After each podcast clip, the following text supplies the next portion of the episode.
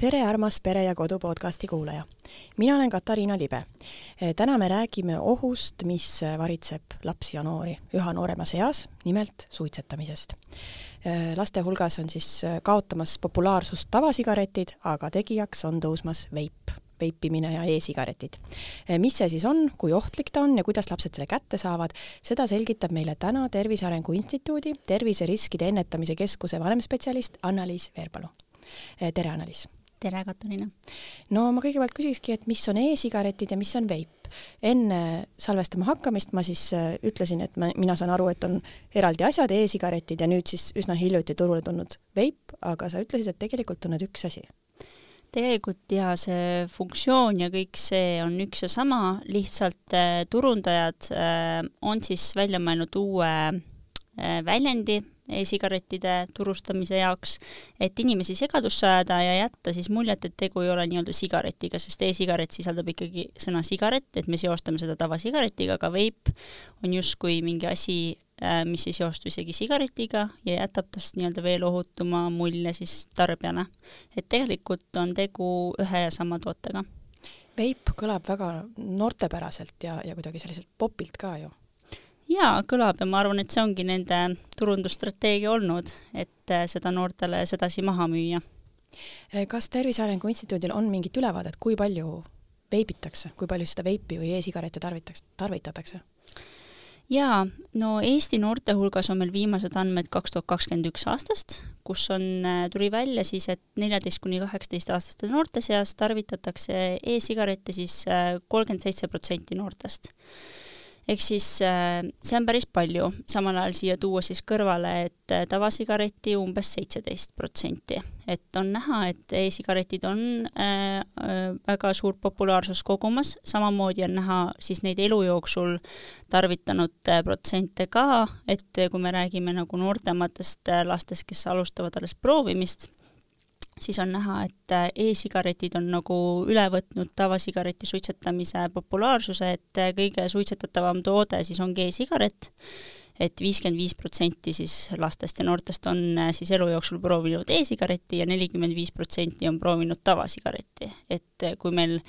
kuni nüüd siin paari aasta taguse ajani oli ikkagi kõige populaarsem see tavasigareti suitsetamine, siis nüüd tänaseks on jah, see see täiesti muutunud ja siinsamas taustal ka lihtsalt öelda ära, et ka see huuletubaka tarvitamine noorte seas on väga populaarne, et äh, samamoodi viimastel aastatel on tõusnud see oluliselt et, et kolmkümmend protsenti noortest on tarvitanud äh, siis seda huuletubakat. me räägime siis üheteist kuni kaheksateist aastastest noortest siin kas see veip on siis äh, välja vahetanud tavasigaretid või on üldse number tõusnud tänu sellele, et, et ta on kuidagi sellisem atraktiivsem ja, ja ei lõhna nii halvasti? ta on välja vahetanud ja ta on äh, tõstnud ka suitsetajate äh, protsenti ja noh, seda me näeme just täiskasvanute hulgas ka, et noored täiskasvanud on need kõige, kõige laiem nii-öelda sihtrühm siis nende toodetele, et noored täiskasvanud on oluliselt tõstnud seda suitsetajate protsenti ka meil ühiskonnas nende e-sigarettide tarvitamise arvelt. ma küsin nüüd kuulaja jaoks, kes võib-olla pole kunagi näinud ega käes hoidnud seda e-sigaretti või siis veipi, et eh, kuidas ta üldse töötab? no ta töötab nii, et eh, seal on vedelik ja siis on aku ja see aku siis kuumutab seda e-vedelikku, et tekib siis see aerosool, mida me sisse hingame ja see aerosool sisaldab siis erinevaid kemikaale, sealhulgas nikotiin isegi kui see aerosool ei sisalda või kui see vedelik ei sisalda nikotiini, siis ei ole tegu ohutu veeauruga, nagu paljud räägivad, vaid see sisaldab, nagu ma juba ütlesin, erinevaid äh, kemikaale, sealhulgas raskmetalle, erinevaid lõhna- ja maitseaineid, mida tegelikult on lubatud võib-olla isegi kasutada nii-öelda toiduainetööstuses, aga sissehingamisel või kuumutamisel ta mõjub meie organismile hoopis teistmoodi ja seda ei ole piisavalt testitud, et ta oleks äh, ohutu toode meie tervisele aga äh, turundajad on siis ka viimastel aastatel ju väga palju selle väljanägemisele panustanud oma tootearendusrahasid, et äh, mul on isegi ühed andmed olemas, et äh, üks väga kuulus niisugune veipimisseade Juul, mis on noorte hulgas väga populaarne, sest ta näeb välja väga ilus ja väga värviline, on panustanud siis enda tootearendusse kaksteist miljardit dollarit viimastel aastatel. Ja need tooted tõesti näevadki väga atraktiivsed välja, eriti noorele inimesele, kes võib-olla ei oska veel väga hästi nii-öelda kriitiliselt hinnata äh, ja võtta vastu võib-olla otsuseid, mis nende tulevikku siis pikas plaanis mõjutavad, et äh,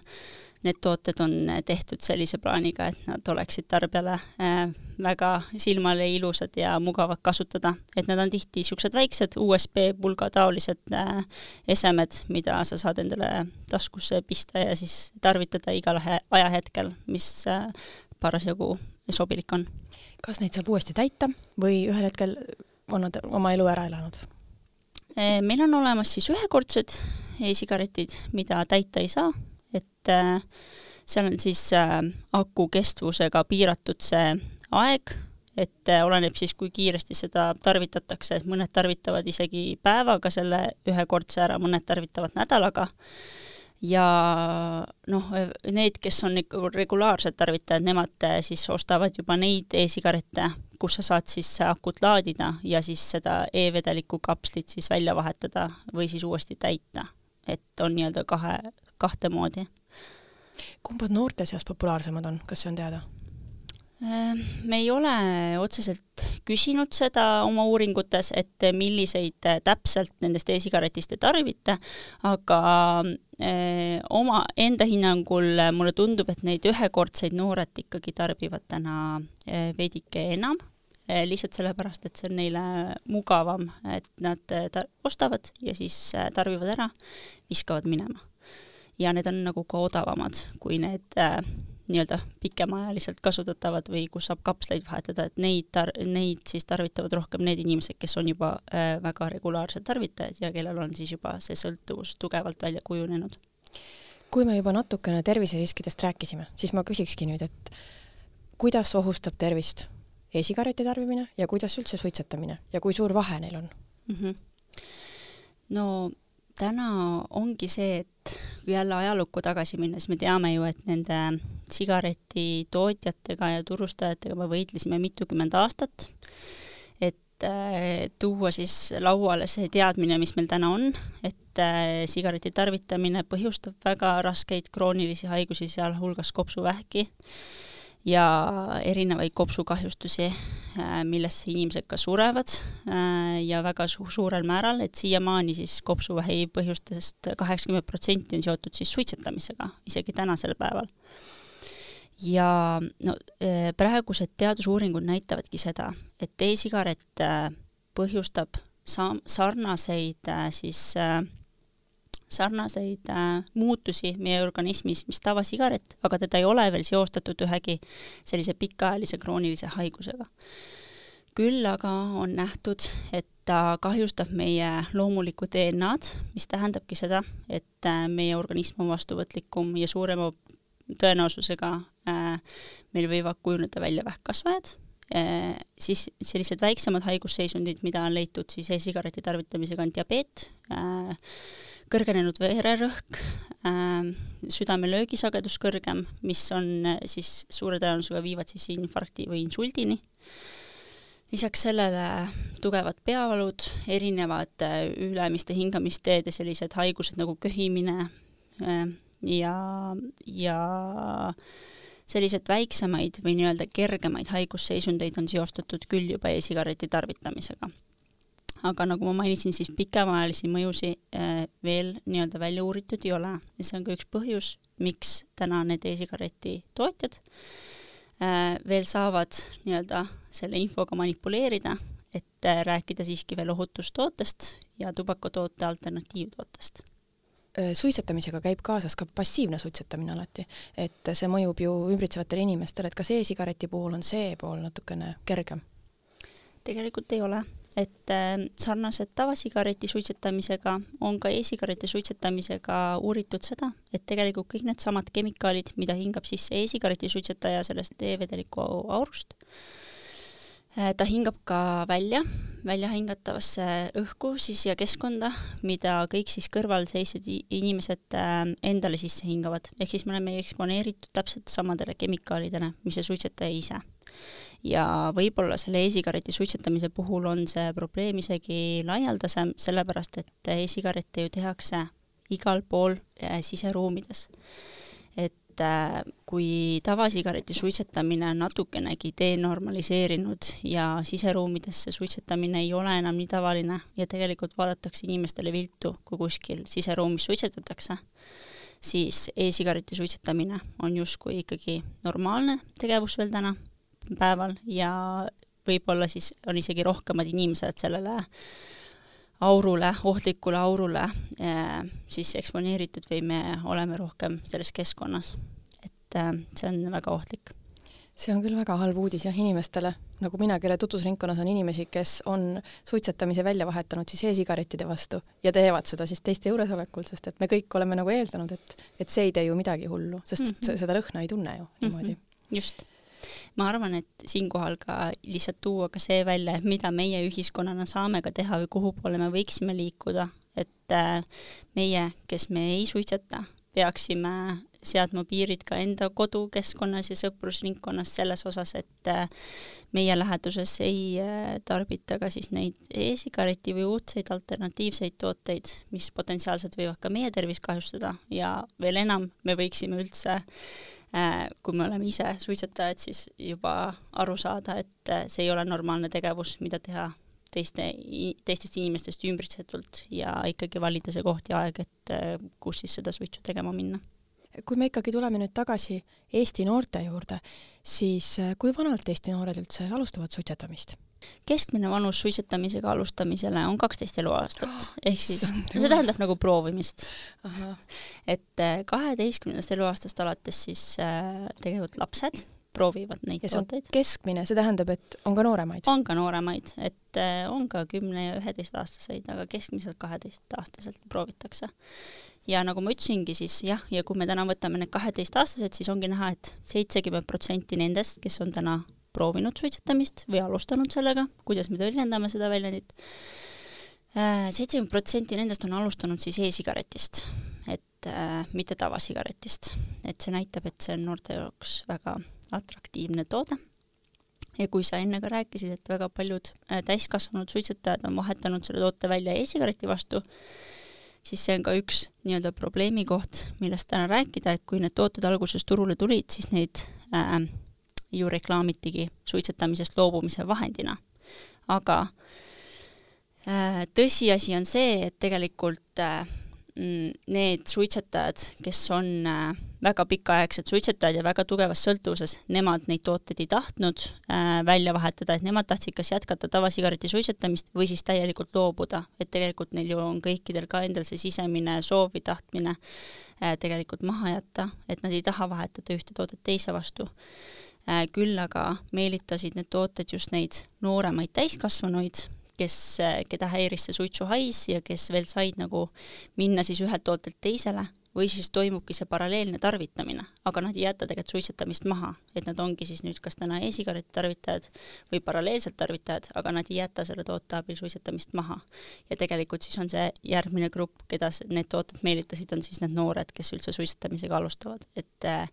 need tooted üldse turule tulnud täiesti äh, valede sõnumitega, et äh, jah selles valguses, et Eesti lapsed alustavad suitsetamist nii varakult, tahaks küsida, et kas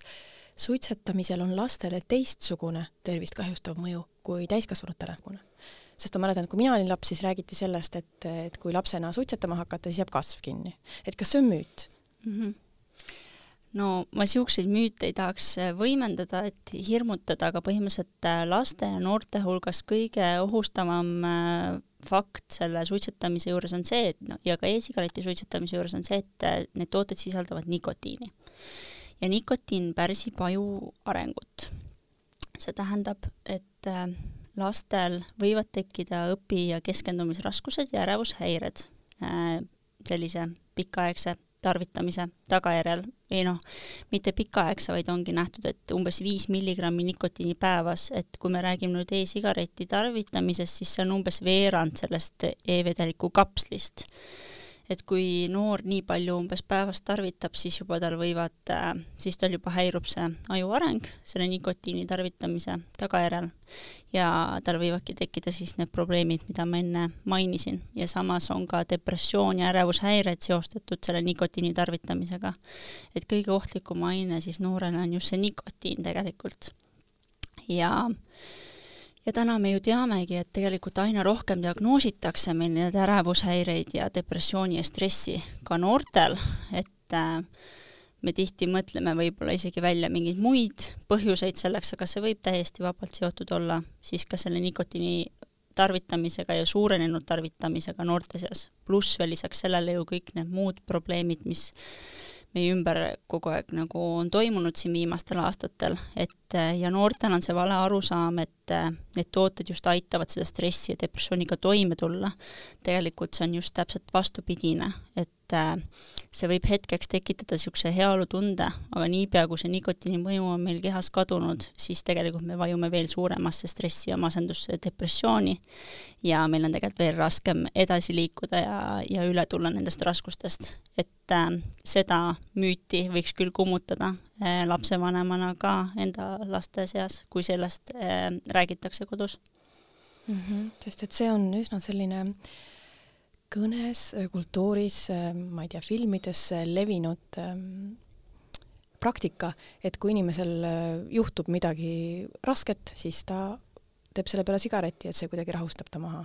jah, kahjuks on niimoodi ja täiskasvanutel siiamaani on tegelikult ka see ju, et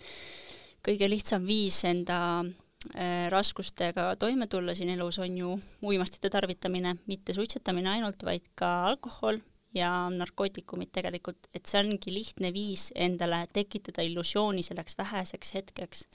et sul on kõik korras, aga tegelikult, nagu ma juba mainisin, see on illusioon ja see mõju kestab väga vähest aega ja me tegelikult ei saa enda probleemidest ju vabaks. et täiskasvanuna me juba võib-olla oskame seda adekvaatselt hinnata, tihti sõltuvushaigustega on ju üldse niimoodi, et neid, nendest ongi raske vabaneda ja kui sa oled juba täiskasvanud ja sa oled juba seda praktiseerinud, seda uimasti tarvitamist juba aastakümneid, siis ongi väga raske, aga me räägime ka, ka praegu lastest on ju rohkem, et siis äh, laste puhul tuleks seda eriti rõhutada, et mitte sinna sõltuvushaiguse küüsi langeda. sest et äh, selle nikotiini tarvitamisega on ka nähtud seda, et äh, mis sa laste puhul ka küsisid ja kuidas see lastele mõjub, et tegelikult need lapsed äh, alustavad enda sõltuvusteekonda nikotiinist neil on suurem tõenäosus jääda sõltuvusse ka teistest äh, uimastitest. ehk siis see tähendab, kui meie laps suitsetab, siis kaasa arvatud ka e-sigarette või siis tarbib huuletubakat ja jääb nikotiinist sõltuvusse, siis suurema tõenäosusega ta on ka tulevikus alkoholist sõltuvuses või narkootikumidest sõltuvuses, et kahjuks nii on, et äh, need sõltuvused käivad käsikäes ja üks asi viib teiseni, ühe aine tarbimine viib teiseni ja ega ükski laps ei alusta kunagi kokaiini või heroiini tarbimisest, et me alustamegi nii-öelda leebematest äh, uimastitest, milleks täna on siis äh,, siis äh, nikotiin, et äh, ja siis sealtkaudu siis laps liigub tulevikus nende ohtlikema aineteni. kas Tervise Arengu Instituut teab äh, selle koolis veipimise kohta, et kas mingid koolid on teiega ühendust võtnud või, või kui suur see probleem on? Jah, äh, probleem koolides on väga suur, äh, koolid on meiega ühendust võtnud, ilmselt see probleem koolides ongi sellepärast äh, suurenenud, et on julgetud küsida ja ongi märgatud siis seda tarbimise suurenemist siis õpilaste seas ja ei osata sellega kuidagi toime tulla. nüüd Tervise Arengu Instituut ise lihtsalt kõikidesse koolidesse nii-öelda loengut sellel teemal pidama ei jõua, et meie töötame välja siis materjale, millest võiks koolis abi olla. et meil on õpetaja uimastiennetuse käsiraamat, kust leiab igasuguseid praktilisi töid, mida saab koolis impleteerida, meil on VEPA käitumisoskuste mäng, kuhu õpetajad, programm, kuhu õpetajad saavad tulla, et äh, ennetada siis uimasti tarvitamist, see on just algkooliõpilastele mõeldud. Siis meil on äh, lastevanematele samamoodi üks koolitus, et, et äh, mida lapsevanemad saaksid teha, et seda uimasti tarvitamist äh, ennetada, et me tegeleme rohkem selliste laiapõhjalisemate ja tugirühmade ehk siis mitte otseselt laste harimisega, vaid just lapsevanemad, õpetajad ja kes äh, lastega nagu kokku puutuvad. aga kindlasti kindlasti on meie eesmärk, et koolides oleks olemas niisugune tugispetsialist, et iga kooli juures, et kas see on siis see sotsiaalpedagoog äh, või psühholoog või on see kooliõde või keegi, kes järjepidevalt äh, aitaks siis äh, selle teemaga koolide juures tegeleda ja see oleks äh, nii-öelda, nagu ma ütlesin, juba järjepidev, et see ei oleks ühekordne loeng, mida koolides tehakse, vaid see olekski igale klassile terve aasta vältel mingisugused tegevused, mida siis koolitundides koos äh, koos muu siis selle õppesisuga siis äh, sinna lisatakse, et näiteks inimeseõpetuse tunnis võiks ju käsitleda neid tervisemõjusid näiteks, mida see suitsetamine endaga kaasa toob. Ja, ja noortemates klassides võiks äh, õppida rohkem nii-öelda sotsiaalseid oskusi ja kuidas öelda ei, et kui laps päriselt, et noh, me teame, et väga suur põhjus, miks noored alustavad seda suitsetamist, et äh, sõbrad või keegi kutsub kampa, et tule teeme, tule teeme koos, et kuidas noorele luua seda oskust, et ta oskaks siis sellisel hetkel öelda ei, kui ta tegelikult ei tahagi minna. et äh, tal jätkuks seda enesekindlust see on võib-olla naiivne küsimus, aga ikkagi tahaks küsida, et, et, et meid kuulavatele lapsevanematele siis mõned soovitused, et kuidas ennetada äh, seda, et nende lapsed hakkavad suitsetama? jah, seda ongi tegelikult nagu selles suhtes nõme öelda, et äh, ma tean, et on väga palju lapsevanemaid, kes äh, on tõsiselt sellega hädas ja kes on enda arust teinud nagu kõik nendest, äh, mis on nende võimuses ja nende laps ikkagi kuidagi siis on jäänud vahele selle e-sigareti suitsetamisega, aga meie nagu andmed ja statistika näitab seda, et tegelikult kui sul on väga niisugune äh, usaldatav suhe oma lapsega, ehk siis su laps räägib sulle, mis toimub, kui sa ise märkad oma lapse muu-, käitumises muutusi ja et siis äh, tegelikult sa saad nagu küllaltki varajaole, et midagi on juhtunud ja saad lapsega rahulikult rääkida läbi need äh, põhimõtted ja asjad, et mis teil kodus on. Tegelikult ma soovitakski seda, et rääkida nendest asjadest enne, kui need lapseni jõuavad, ehk siis nagu ma ütlesin, kaksteist eluaastat on see, kui hakatakse proovima. võib-olla siis peaks oma lapsega natukene sellel teemal rääkima, kui ta on üksteist või siis kaksteist, et võib-olla sa puutud kokku selliste toodetega, et miks lapsed neid tooteid teha ei tohi. Nagu ma ütlesin, siis äh, lapse aju areneb siis, kuni ta saab kahekümne kuue aastaseks, et tegelikult kuni sinnamaani võiksitegi öelda lastele, et noh, see on naiivne öelda, et kuni kahekümne kuuest me teame, et lapsed puutuvad nende toodetega varem kokku, aga mida kauem sina suudad lapsevanemale seda tarvitamist siis edasi lükata, seda rohkem oled sina lapsevanemal nii-öelda õnnestunud. et ühesõnaga äh, räägi enne, kui laps hakkab neid tooteid tarbima ja tegelikult loo siis äh, kontakti või see usalduslik suhe ja veeda reaalset aega ka enda lapsega, et leidke see aeg süüa koos õhtusööki näiteks, et see on ka väga oluline, et äh, et sa oled lapsele toeks ja laps teab, et ta saab sinu poole pöörduda, kui tal on mingisugune mure, et äh, juba sellised nagu pisikesed äh, asjad tegelikult aitavad ennetada ja aitavad ka õigel hetkel võib-olla seda tarbimist siis äh, nii-öelda kontrolli alla saada, et noh, mingi hetk see proovimise hetk ju ikkagi tuleb, et selle vastu ilmselt on väga raske võidelda, et lihtsalt see uudishimu, mis lastel on, see on paraku see, et noh, seda ära hoida on keeruline, aga see on ka võimalik. aga, aga jah, et siis äh, lapsevanematel oleks ikkagi see võim, et äh, räägite temaga rahulikult, et äh, miks laps ei tohiks neid tooteid tarbida. Ja just siinkohal ka see, et sa enne küsisid ka mingeid müüte, et noh, tegelikult on täna ka leitud seda, et see kurjustamine ja, ja karistamine lapse puhul ei too oodatud tulemusi, et ta võib tuua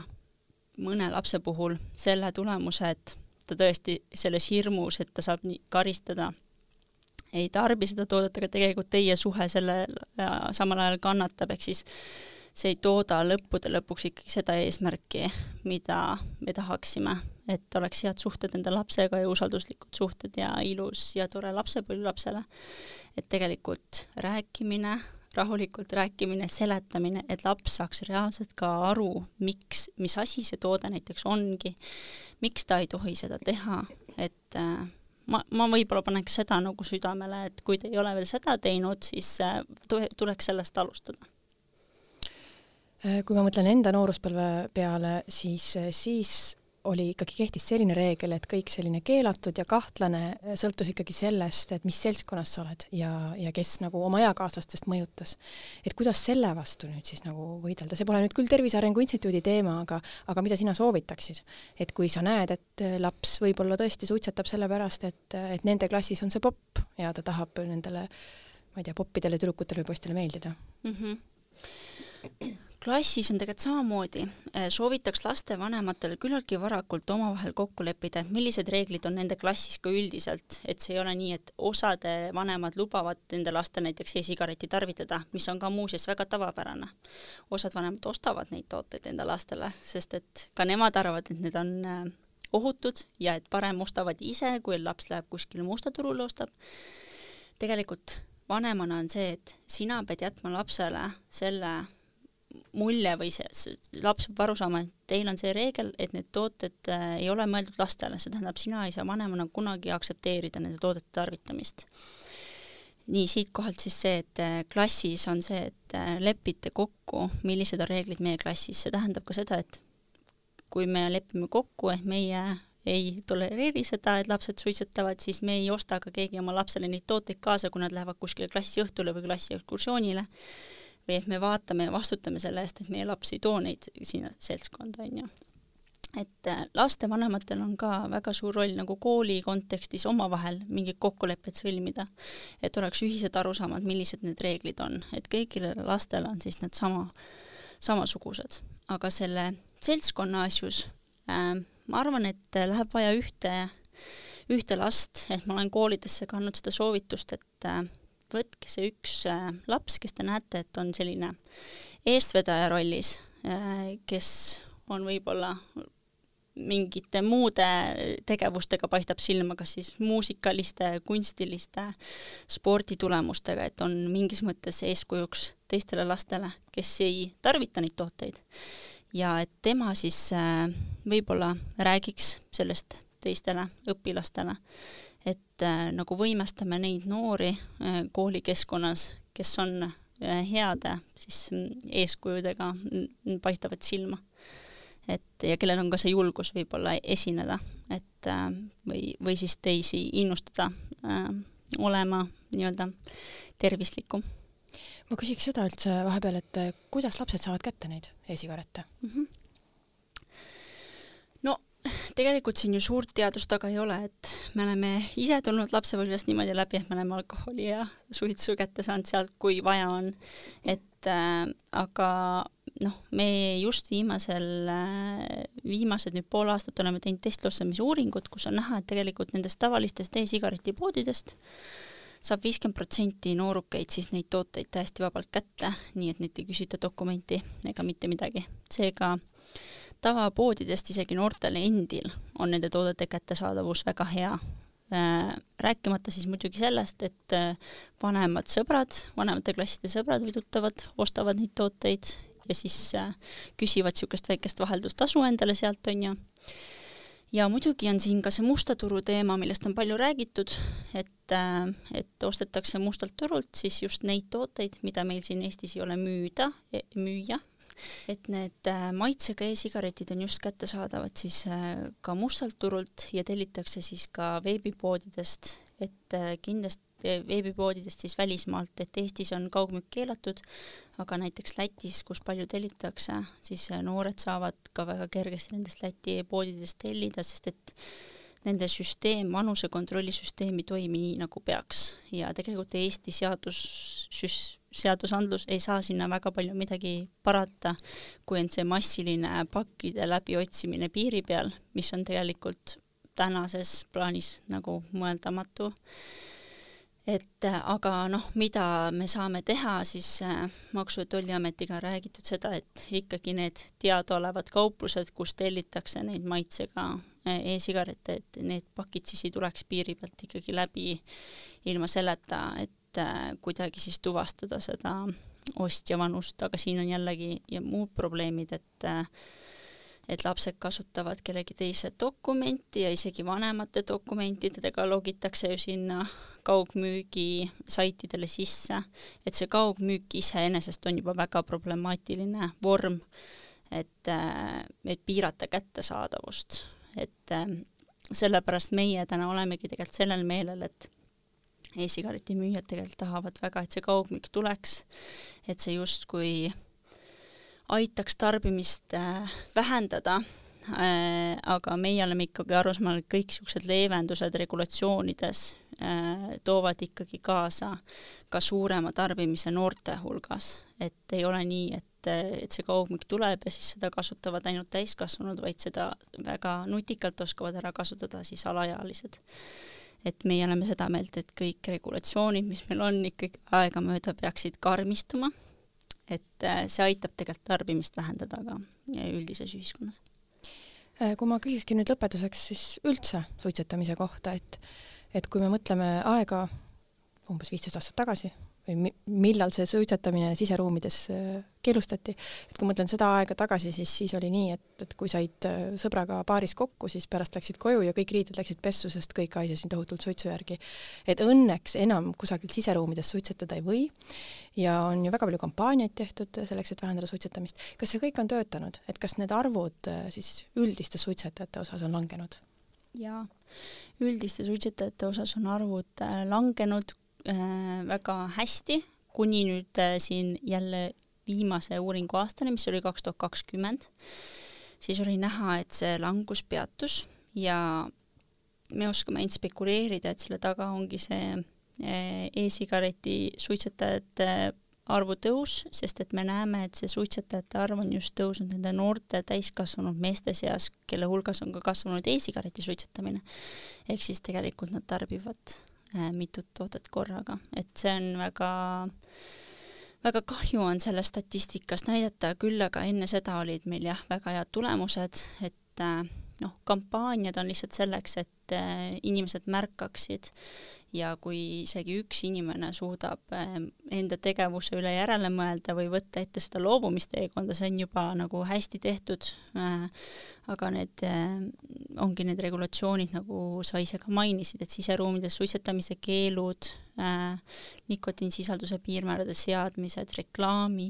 seadmised tegelikult, et ju vanasti ju telekas ja igal pool ju võis neid tooteid väga vabalt reklaamida, samamoodi spordisündmustega, suured toetajad ju kõik äh, tubaka ja alkoholi ettevõtted, et tänaseks nagu need reklaamipiirangud on väga palju karmistunud ja noh, teaduskirjandus näitab seda, et tegelikult need regulatsioonide seadmised ongi toonud kõige paremaid tulemusi ja muud moodi ei saa, et kahjuks ja samamoodi aktsiisimäärad, et noh, tihti ka inimesed võitlevad selle vastu, et kõrgele neid aktsiisimäärasid me ajame, aga samas ravikulud on ka väga kõrged, mida nende inimeste raviks vaja läheb, on ju tulevikus, et äh, kes siis on mõne haiguse küüsis, mis on tekkinud siis äh, ebatervislikust eluviisist et äh, tegelikult äh, need regulatsioonid aitavad äh, tarbimist vähendada mm. -hmm enne oli jutuks see, et noortele on suitsetamise osas eeskujuks nende eakaaslased, aga eeskujuks on siiski ka vanemad. et esimene samm ilmselt oleks ise suitsetamisest loobuda ja vanematele ongi noh, ei tahaks kuidagi jätta nagu sellist äh, halba energiat siia, et et lapsevanemad on nüüd kõiges süüdi, aga paratamatult on lihtsalt see, et laps võtab kodust kaasa kõik, mis äh,, et vanemad on lapsele kõige suuremaks eeskujuks, isegi kui vanematele võib see tunduda teisiti, et minu laps üldse mind ei kuule ja ei vaata ja ei, ei noh, mis iganes põhjused sealt võivad tulla, et ütlevad, et laps tema järgi käitu, aga tegelikult lapsed käituvad äh, väga palju vanemate äh, eeskujul ja noh, seda ka teada ju, et äh, kahjuks need kodud, kus uimasteid tarvitatakse, on ka tõenäoline, et laps hakkab neid tarbima, et siis vanematena on meil väga suur roll eeskuju näitamisel, et me ise neid tooteid ei tarbi, et seda ma paneks kõige rohkem südamele. kui täiskasvanud inimesel ei jätku seda südikust loobuda siis äh, ära tarbi lapse juuresolekul juba passiivse suitsetamise äh, pärast, aga ka sellepärast, et laps ei oleks, et laps ei näeks, et sa äh, neid tooteid tarbid ja et, et see oleks justkui normaalne teie kodu siis keskkonna osa või käitumise osa. et siis leidke see õige koht, kus ja millal seda toodet tarbida. ja kui meid nüüd kuulab mõni lapsevanem või võib-olla ka niisama täiskasvanu, kes on juba ammu mõelnud sellele, et tahaks loobuda, aga ma kujutan ette, et see on väga keeruline, siis lõpetuseks küsin nõuandeid selleks, kuidas suitsetamisest loobuda. see on jah ka väga ohkama vanem küsimus. ma ütleks ikkagi seda, et inimene peab enda seest leidma alguses selle motivatsiooni ja võtma vastu selle kindla otsuse, et ta tahab tõesti loobuda ja panema need põhjused endale kirja sellepärast et see on tõesti väga raske teekond ja kui seda võtta lihtsalt kergekäeliselt ette, siis tuleb see libastumine ka väga kergelt ja tegelikult on järgmised korrad äh, loobumised veel raskemad. et äh, peab, see alguspunkt või see fookus peab olema seatud väga täpselt ja väga kindlate põhjustega. ja tihti ongi need põhjused seotud tervise, rahaga või siis äh, lähedastega. et äh, soovitaksin jah seda, et eh, panna endale need eh, eesmärgid või need põhjused kirja, miks loobumisteekond ette võetakse ja noh, tegelikult väga paljudel suitsetajatel õnnestub loobuda iseseisvalt. et tegelikult nad ei vaja suurt kõrvalist abi selles mõttes, et äh, kui nad on midagi ette võtnud ja nad noh, lähedastega peab muidugi läbi rääkima, et hästi raske on suitsetajatel olla keskkonnas, kus teised inimesed suitsetavad tema ümber, et siis ma võib-olla annakski järgmise, järgmine samm on see, et sõpradele anda teada, et te hakkate loobuma, et nad teie juuresolekul ei teeks neid tooteid, samamoodi perele. Ja noh, muidugi meil on nõustamis äh, nõustamiskabinettis töötavad spetsialistid, kes saavad paika panna teiega spetsiaalse loobumisplaani, mis tuleb väga abiks nendele, kellel on väga suur ja tugev sõltuvus juba, et nad järgivad täpselt seda plaani ja neile määratakse siis ravimid, mida nad manustavad täpselt selle skeemi järgi, mida arst on neile ette antud ja an-, andnud. Ja tegelikult apteekides on ka see nõu ja jõu olemas, et äh, soovitan ka siis minna apteekides küsima nõu, et äh, kuidas neid nikotiinasendusravimeid võib-olla, mis seal apteegis müügil on, kasutada, et mitte ise hakata endale mingit skeemi looma nende nikotiinplaastrite ja spreidega, sest et tihtipeale jäävad inimesed võib-olla ka nendest sõltuvusse, et seda peab, see on ikkagi ravim ja seda peab raviskeemi järgi manustama, et seda ei saa lihtsalt eh, niisama huupi nii-öelda tarbida. aga jah, et küsida siis nõu nendelt nõustajatelt, kui ise hakkama ei saa, on ka üks, eh, üks selline nõuanne, mida ma annaksin. hästi, aitäh sulle, Anna-Liis! aitäh! aitäh, armas kuulaja, et meid ära kuulasid. loodan, et eh, said mõndagi kasulikku kõrva taha panna, kes soovib suitsetamisest loobuda, ehk said nõuandeid ja ka selles osas, et kuidas siis ennetada seda, et et lapsed jõuaksid siis sigarettide või e-sigarettideni. meie järgmine saade on üleval nädala pärast